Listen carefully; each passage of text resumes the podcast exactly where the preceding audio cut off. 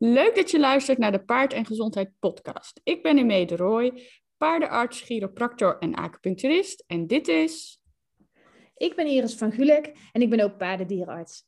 En Mee en ik hebben samen gestudeerd. En nu is onze missie om de gezondheidskennis van paardeneigenaren te vergroten en op die manier de gezondheid en het welzijn van paarden te verbeteren. En dat doen we graag in deze podcast.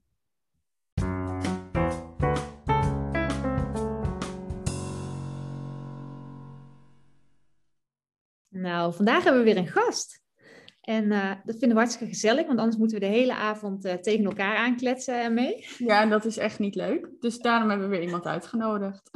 Ja, we ja. hebben Fenna als gast. En uh, Fenna is van Hoefwijzer, maar die kan zelf veel beter vertellen hoe het allemaal zit en wie ze precies is. Dus Fenna, wil je je even voorstellen? Ja, natuurlijk. Nou, ik ben Fenna. De meeste mensen kennen mij wel als dat meisje van Hoefwijzer. En uh, ja, ik maak al zes jaar paardenvideo's en dat gaat hartstikke goed. Ik heb nu meer dan 130.000 volgers op uh, YouTube. En, veel. Ja, dat is een redelijk wat.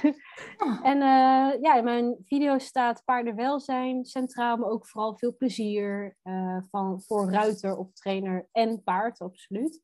Dus ja, komt echt altijd van alles voorbij. Gamevideo's, challenges, gewoon leuke vlogs waarin ik van alles laat zien. Ja.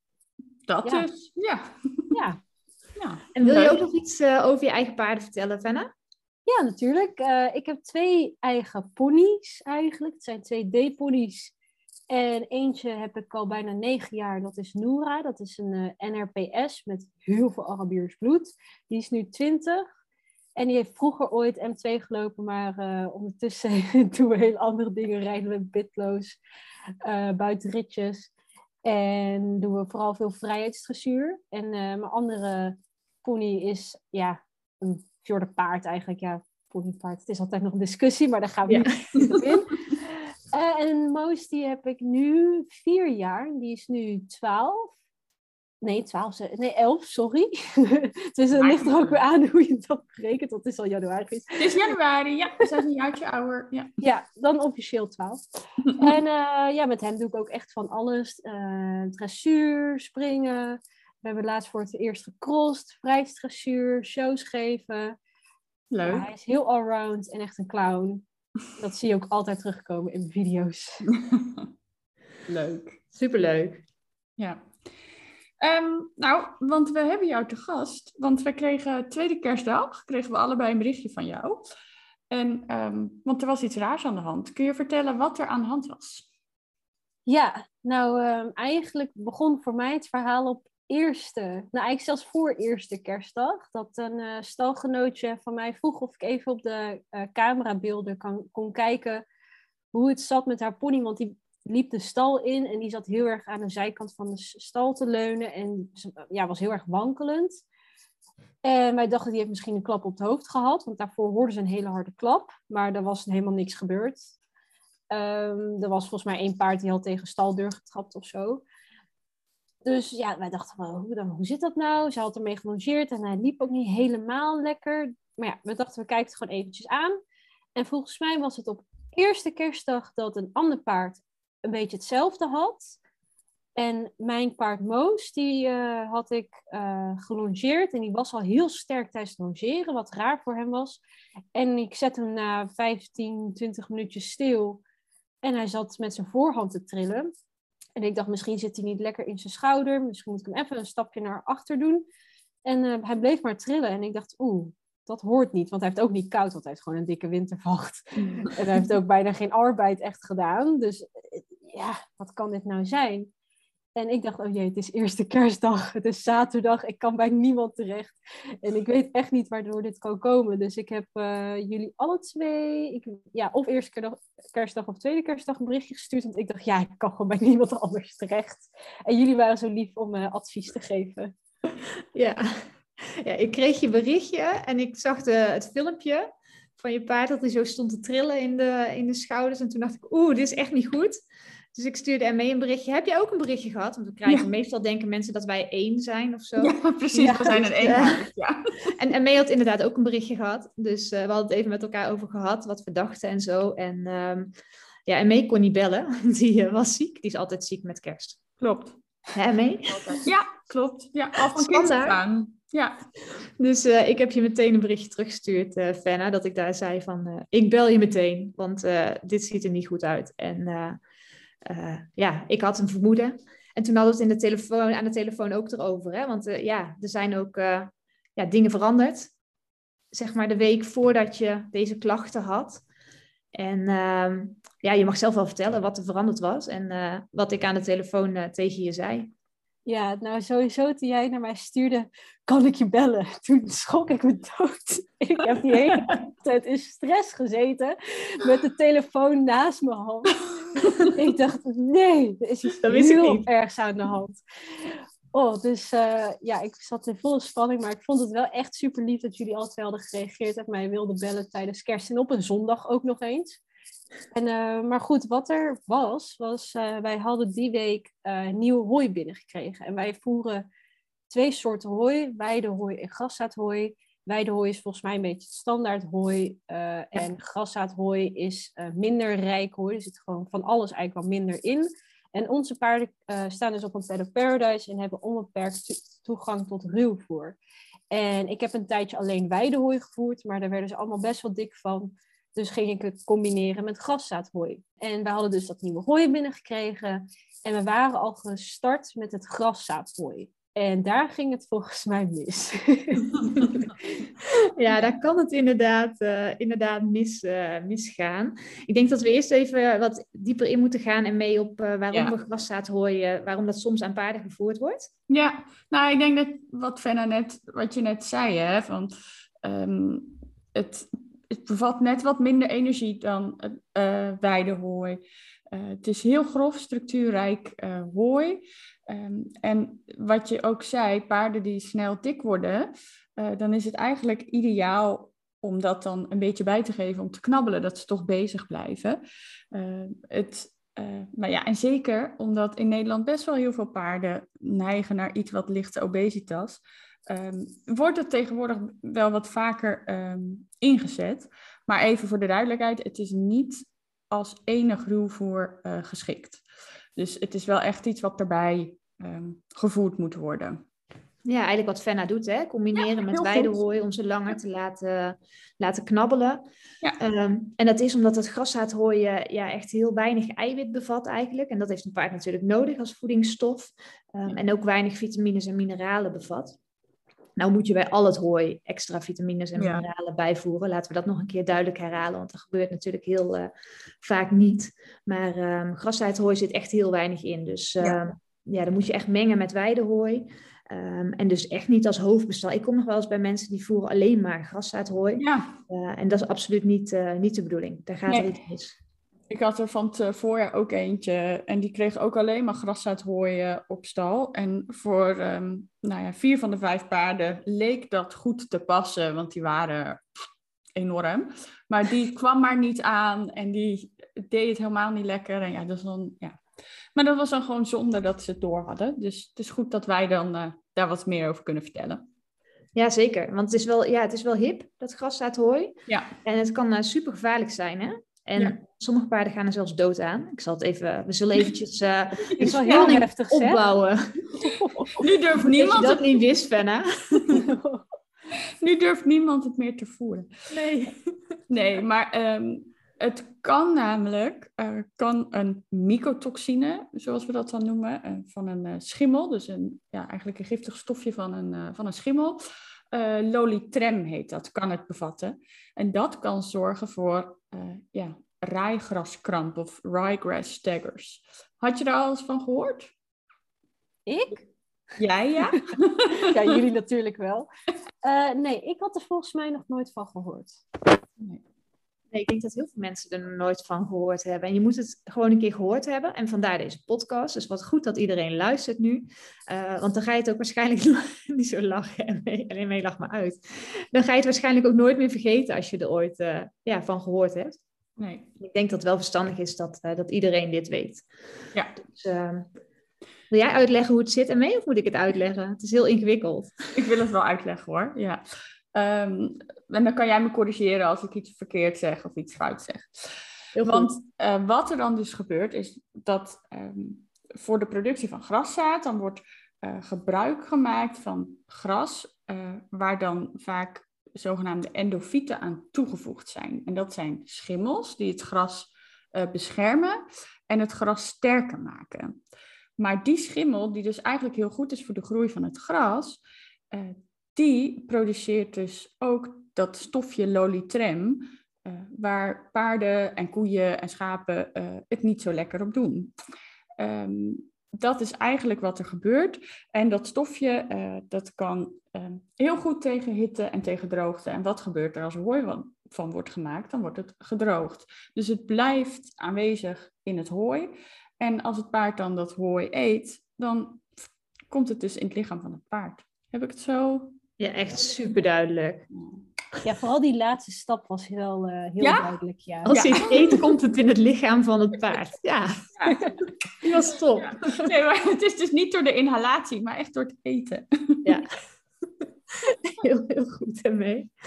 Um, ja, en dat stofje, die lolitrem dus, dat is dus, ja, wat je al zei, paarden, koeien en schapen kunnen daar last van hebben. Dus als dat in je hooi zit, ga dat hooi dan ook niet aan, uh, aan schapen voeren, want die krijgen dan ook die verschijnselen. En wat doen ze dan? Ze krijgen neurologische verschijnselen. Um, en het begint, het begint, vaak met spiertrillingen. Nou, die heb jij ook gezien, Fenna, bij, uh, ja. na het longeren. Um, ze kunnen geïncoördineerd zijn, dus dat ze een beetje gaan zwalken. Uh, ze kunnen stijf zijn. Uh, ze kunnen ook atactisch zijn, dus dat, ja, dat is eigenlijk ook een beetje geïncoördineerd, hè? dus uh, zwalken. Ja. Uh, ze kunnen ook hypermetrisch zijn, dat is eigenlijk dat ze de benen wat hoger op gaan tillen. Nu, eigenlijk moet iedereen meekijken, want ik doe alles voor. um, en ze kunnen ook echt aanvallen krijgen en dan omvallen en krampen. Dat heb jij gelukkig niet gezien, Fenna. Um, ja, en fietsbewegingen gaan maken. Um, en we zien het ook vaak na het opjagen van paarden als er opwinding geweest is. Dus dat zal bij jou ook wel geweest zijn met het longeren. Dat het toen ook duidelijker naar voren kwam, want toen had hij natuurlijk ook even gewerkt. Ligt dat aan adrenaline? Ik weet niet aan welk stofje het ligt. Ik denk dat het ook vooral met die spieren dat ze meer gedaan hebben. En dan ja, het eigenlijk niet helemaal kunnen verwerken wat er gebeurt. Ja, precies. Het is meer inderdaad, volgens mij hoor, is het meer inderdaad wat jij zegt, Iris. Door de, doordat de spieren, uh, door het metabolisme daarin, zeg maar, door, doordat ze aan het werk zijn geweest. Dus door de hele ja, spierstofwisseling, dat het daardoor komt. Ja, en als ze dan weer even rust hebben, dan, uh, dan gaat het weer beter. Um, ja, en dit alles bij elkaar, dat wordt dus dat, uh, ja, wat Emil zei, rijgraskramp genoemd. Ja. Dus echt door dat rijgras, door die lolitrem, krijgen ze die verschijnselen. Um, het kan ook vaak wat milder beginnen, bijvoorbeeld dat ze wat minder willen eten, um, dat ze iets schrikkeriger zijn. Sommige paarden staan wat wijdbeens. Um, en wat je ook wel vaak ziet, en dat is wel grappig, want jij begon daarmee, Fenna, was dat ze onstabiel uh, staan en steun zoeken aan de wand. En daar begon je eigenlijk mee, dat je dat paard zag zo tegen de wand zag leunen. Ja. Dus uh, dat past er eigenlijk allemaal bij. Ja, precies. En het verraderlijke is dus uh, dat je dat dus aan de buitenkant van het hooi zie je dat dus niet. Dus jij had dat ook niet kunnen zien aan, uh, aan het hooi. Of dat er wel of niet, uh, niet in zat. En dat is natuurlijk uh, ja, heel verraderlijk. Ja, en dat hooi, dat is een, een restproduct. Hè? Dus de graszaadhooi is een restproduct van de graszaadteelt. Ja. Dus ja, er wordt nog best wel eens geteeld natuurlijk, gras. Dus daar komt dat vandaan. Ja. ja, want die zaadjes hebben ze natuurlijk nodig om nog meer gras te kunnen ja, planten. meer gras te kunnen maken, inderdaad. Ja, ja inderdaad. Ja. Ja, een tijd geleden was er ook een, uh, een geval op een, uh, op een grote manege.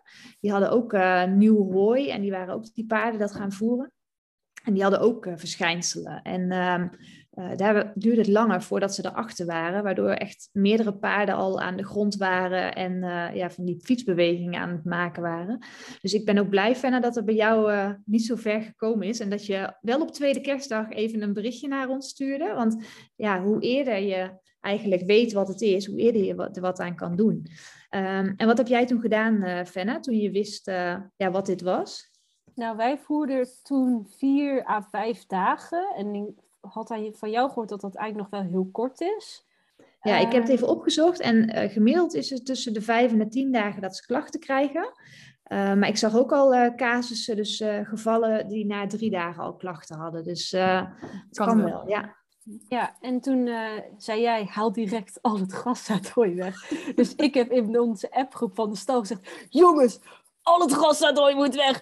Vandaag nog, nu meteen. Er was paniek op stal. En uh, eigenlijk heeft, uh, hebben de meeste stalgenoten geholpen om alle restjes weg te halen. En alleen maar ja, het weidehooi te voeren. En gelukkig hadden we dus net ook nieuw weidehooi binnen.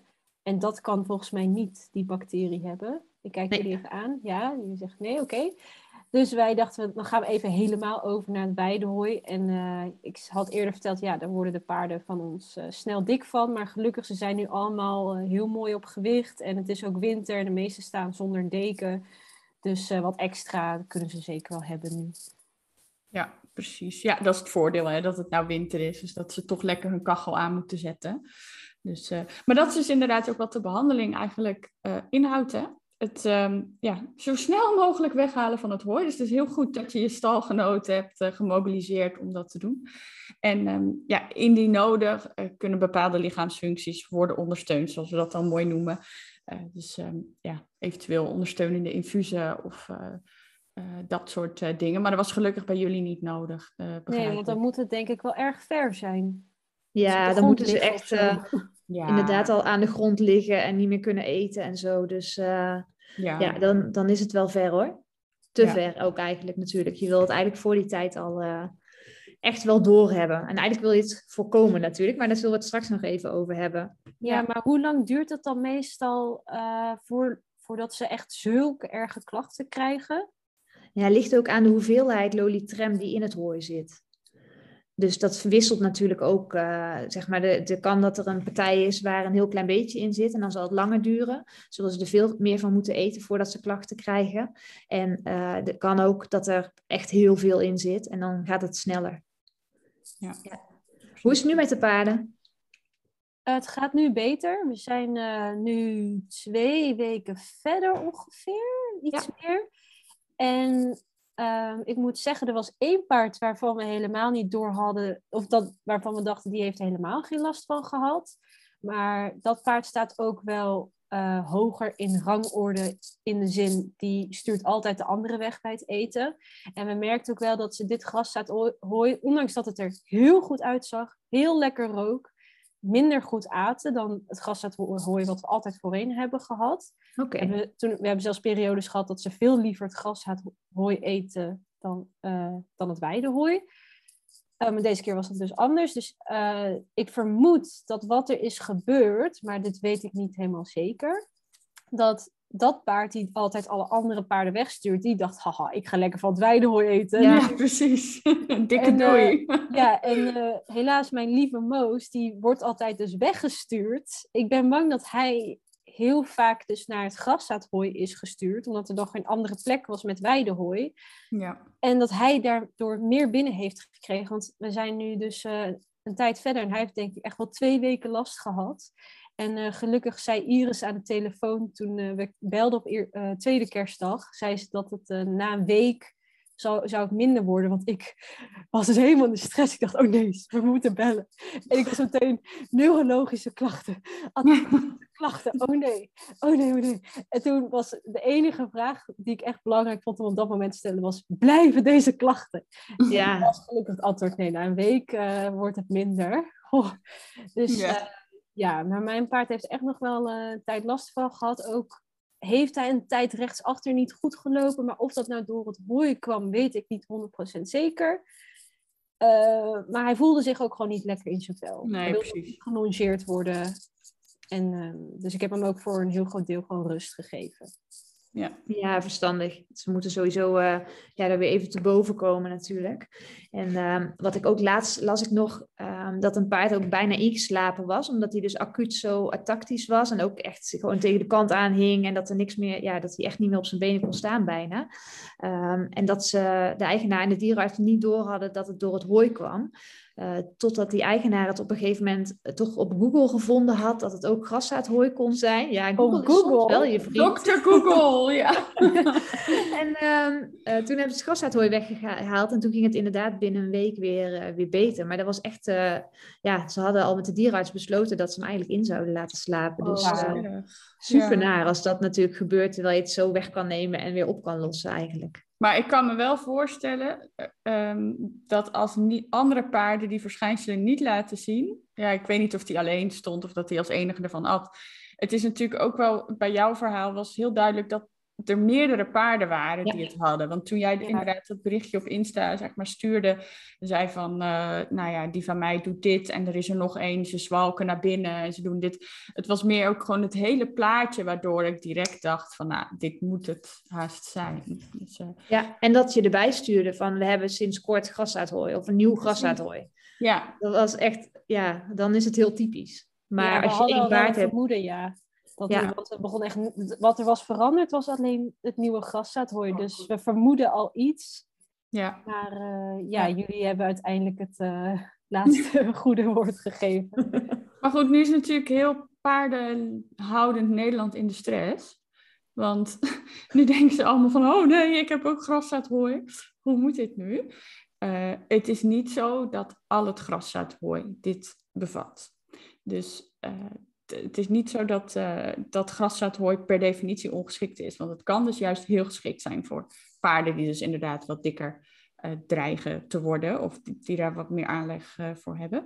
Um, en in principe zou je het kunnen tegengaan of jij kunnen ondervangen door te letten bij de verkoop dat het van een erkende handelaar komt. Uh, en van leveranciers die eigenlijk een ja, telersovereenkomst kunnen laten zien. En waarin dan dus staat dat er geen endofieten toegevoegd zijn uh, bij de teelt van het graszaad. En eigenlijk zijn ook wel heel veel telers zijn zich ook bewust van de risico's uh, die het heeft voor, op, voor dieren. Of de risico's die het kan hebben.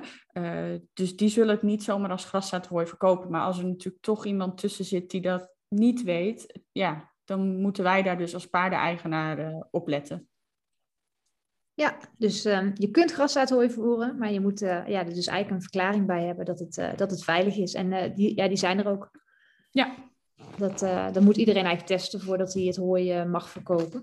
Ja, dus, dat is wel heel fijn, want dan heb je in ieder geval niet zo'n hoog risico. Want anders is het wel echt tricky als je, het, als je ja, echt niks weet. Ja, en we zien het ook niet vaak. Nee, gelukkig niet. Het gebeurt niet heel vaak. Hoe vaak zien jullie het? Dit is de tweede casus die ik weet. zeg maar waar ik bij betrokken, of tenminste zijdelings bij betrokken was. Dus, ja, ik eh, weet nog een stagiaire die heeft ook uh, ponies gehad, die het ook uh, hadden, zeg maar. Die hebben ook die, uh, die filmpjes met dat trillen en zo wel heel duidelijk. ik heb die paardjes toen niet zelf gezien. Dus het komt gelukkig echt niet, niet veel voor.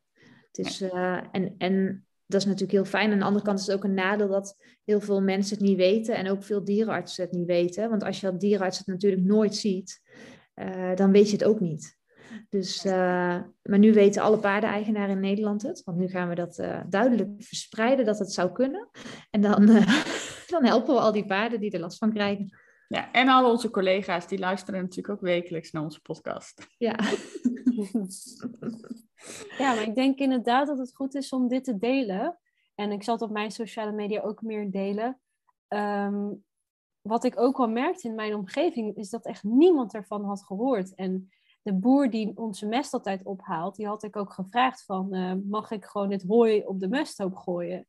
En die zei, ja, dat is prima. Uh, maar ik heb het toch maar niet gedaan, want ik dacht, ja, ik wil deze uh, mes toch wel kunnen gebruiken in de moestuin. En ik zit niet te wachten op neurologische klachten bij mezelf. dus ik heb het toch maar niet gedaan. En uh, ik heb contact gehad met de leverancier.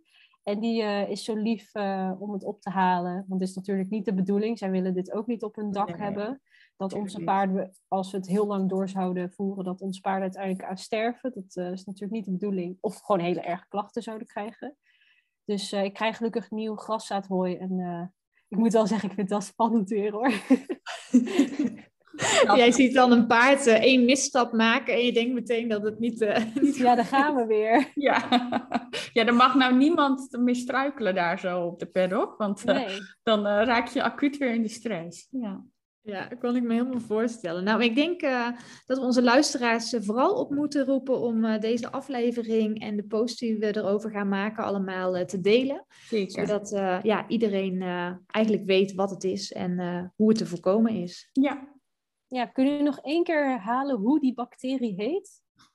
Lolitrem. Lolitrem. Ja, dat is zeg maar het stofje wat gemaakt wordt, hè? Ja, L-O-L-I-T-R-E-M. En het komt dus door wat ze in het gras doen, de, de boeren. Ja, door wat toegevoegd wordt aan de teelt, of zeg maar tijdens de teelt, om het gras eigenlijk ja, te beschermen. Ik ga even vragen stellen die de luisteraars misschien hebben, om Ja. nog ook ter verduidelijking. Heel goed. Dus die grasboeren of grasmakers, om het even zo te noemen, die stoppen het al van tevoren in of ze stoppen dat bescherm- of groeispulletje in en dan kan het ontstaan. Ze, voegen endofieten toe, en dat zijn eh, schimmels, en die eh, beschermen het gras. Maar. En die endofieten, die kunnen dus lolitrem produceren. Oké, dus dan, oh ja, oké, dus het wordt misschien geproduceerd. Dus het is nog niet eens dat die grasmakers dat per se expres Nou ja, doen. d- kijk, zij hebben geen last van de loli, z- zeg maar, de lolitrem is pas een probleem als het gegeten wordt.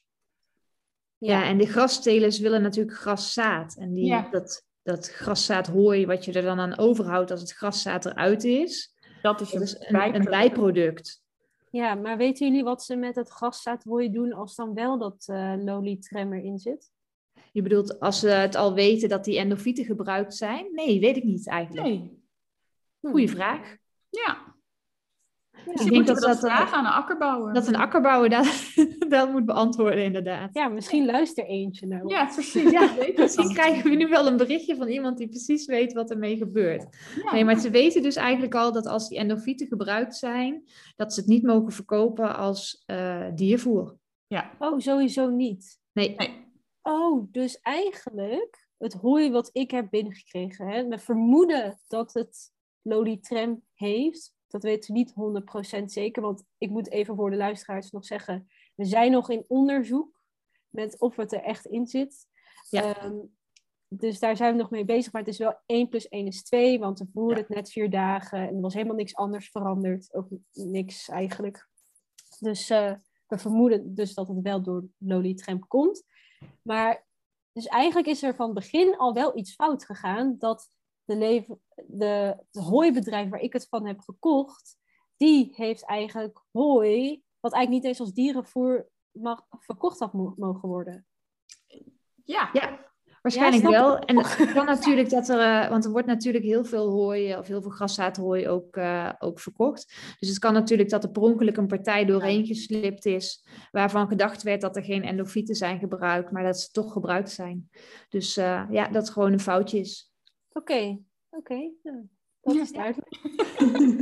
Ja, en, eh, en dat noemen, ja, ze noemen dus zo'n eh over, ja, zo'n telers, eh, wat hadden we genoemd? Een telersovereenkomst. overeenkomst. Ja. Ja, dat eh, dus de teler, dus degene die het graszaad eh, produceert, dat die echt bewijst dat er geen endofieten aan toegevoegd zijn voordat hij het kan verkopen als, eh als graszaadhooi voor dieren. En is dat verplicht? Weten jullie dat?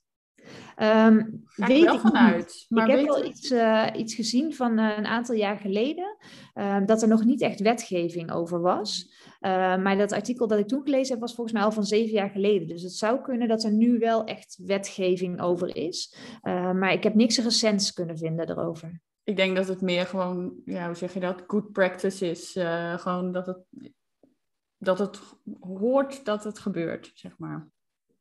Ja, want dit willen we natuurlijk niet. Zoals bij, wat er bij jou gebeurde en wat er bij- soms bij andere paarden gebeuren. Want dat is Ja. echt gewoon eh, ja, veel te gevaarlijk. Ja, maar dan is het eigenlijk wel uniek als jullie het nog maar zo twee keer eh, zo Ja, ik- van zijdelings mee hebben gemaakt. Ja, ik heb het, de- ja, jouw casus dan. En ik denk een jaar of twee, drie terug bij een, eh, een klant. Maar goed, daar was ik dus ook niet als behandelend dierenarts bij betrokken. Eh, maar ehm, ja, verder kende ik het toen ook alleen maar uit de boeken. Dus eh, ik Ja. denk dat het dus ook gewoon maar heel weinig gebeurt eigenlijk. Gelukkig maar. Ja, zeker. Ja, het is wel goed ingedekt hoor. Met eh, dat ze dat hooi dus niet aan paarden mogen voeren als die stof erin kan, eh, kan zitten. Dus, eh, dus dat is heel fijn. En ehm, ja, het zal er soms tussendoor glippen misschien, maar dat is absoluut geen, eh, geen opzet. Nee. Tenminste, dat hopen we niet. Nee, daar gaan we vanuit dat dat niet zo is. nee. Dus. Heb je nog meer vragen? Want ik zie je nog denken, maar... zit te denken, wat kunnen de luisteraars zich nog afvragen? Want ik ben een luisteraar van jullie podcast. Hè? Ik heb ze bijna allemaal geluisterd. Oh, serieus? Leuk. Ja, ja, ja, want ik leerde erg veel van. Het is gewoon ja, gratis, uh, gratis opleiding. Gratis nascholing, ja. ja. heel goed. Um, even denken, we hebben het al gehad over wat is het nou? Nou, in het begin kwam het een beetje over alsof het in al het graszaadhooi zit. En dat hebben jullie gelukkig wel goed uitgelegd. Want het komt dus bijna, nou, bijna niet voor, omdat het eigenlijk ook niet mag. Of eigenlijk uh, hè, die overeenkomst mag niet als dierenvoer verkocht worden. En ja, moeten mensen gewoon door blijven voeren met het graszaadhooi? Ze ja, niet als... weg te gooien wat ze nu hebben. Hè? Nee, nee, nee, nee. En als, uh, als bijvoer uh, is het echt helemaal, uh, helemaal prima. Als het maar niet als hoofdbestanddeel is, maar dat hebben we volgens mij duidelijk genoeg gezegd. Um, ja, en ze moeten dus even checken waar ze het vandaan hebben. En of hun leverancier ook echt ja, kan bewijzen dat er geen endofieten gebruikt zijn bij de teelt. Ja, dat is eigenlijk het belangrijkste. En juist inderdaad niet als hoofdbestanddeel van je ruwvoer. Gewoon als bijvoer is het super geschikt voor uh, wat dikkere paarden. En voor hoeveel procent in totaal mag je het geven? Nou, weet ik niet. Er zijn niet echt getallen van. Want dat ligt een beetje aan je uh, gewone hooi. Ja dat is natuurlijk, soms, soms heb je hooi, als je dat dan test, dan heb je hooi met uh, heel laag eiwit en heel laag suikers en alles heel laag. Um, dan kan er niet zo heel veel graszaadhooi bij. Maar als je heel rijk voer hebt, dat heel rijk is aan energie en rijk is aan eiwit, dan kan er wel weer wat meer bij. Dus uh, dat kun je eigenlijk niet, uh, niet van tevoren al zeggen. Dan moet je echt je gewone hooi ook getest hebben. En ook wat je de rest erbij voert, of je lucerne bijvoert, of dat je nog iets van brokjes of andere dingen bijvoert. Ja. Ja, dat klinkt heel logisch eigenlijk. ja. Volgens mij zijn wij ook alle twee, of eigenlijk alle drie, uh, fan van de PAVO. Uh... Dit is volgens mij niet bedoeld om, om deze naam te doen, maar ja, laat je ruw vertesten. ja, ja, laat vooral je ruw vertesten. Ja, dat is echt uh, ja, heel belangrijk, superbelangrijk. Zeker, ja. Meten is weten. dus. Maar goed, dan kunnen we hem nu alsnog afsluiten, denk ik. Of niet? Of had je nog heel veel prangende vragen? Hebben jullie een, een vraag die de luisteraars uh, misschien zouden kunnen hebben? Of niet? Want jullie, zijn, jullie weten hier natuurlijk al heel veel over. Dus voor jullie klinkt het misschien als logisch. Ja, nou, die mogen ze altijd stellen. In onze posts. Of dan ja. uh, tijdens een Q&A-sessie of zo kunnen ze weer vragen stellen aan ons. Dus, uh... Ja, ik denk dat dat leuk is inderdaad. Ja, dat denk ik ook. Nou, dan, uh, we hebben al een paar keer gezegd, deel deze podcast, maar blijf het doen. En uh, we worden nog steeds heel blij van vijf sterren reviews.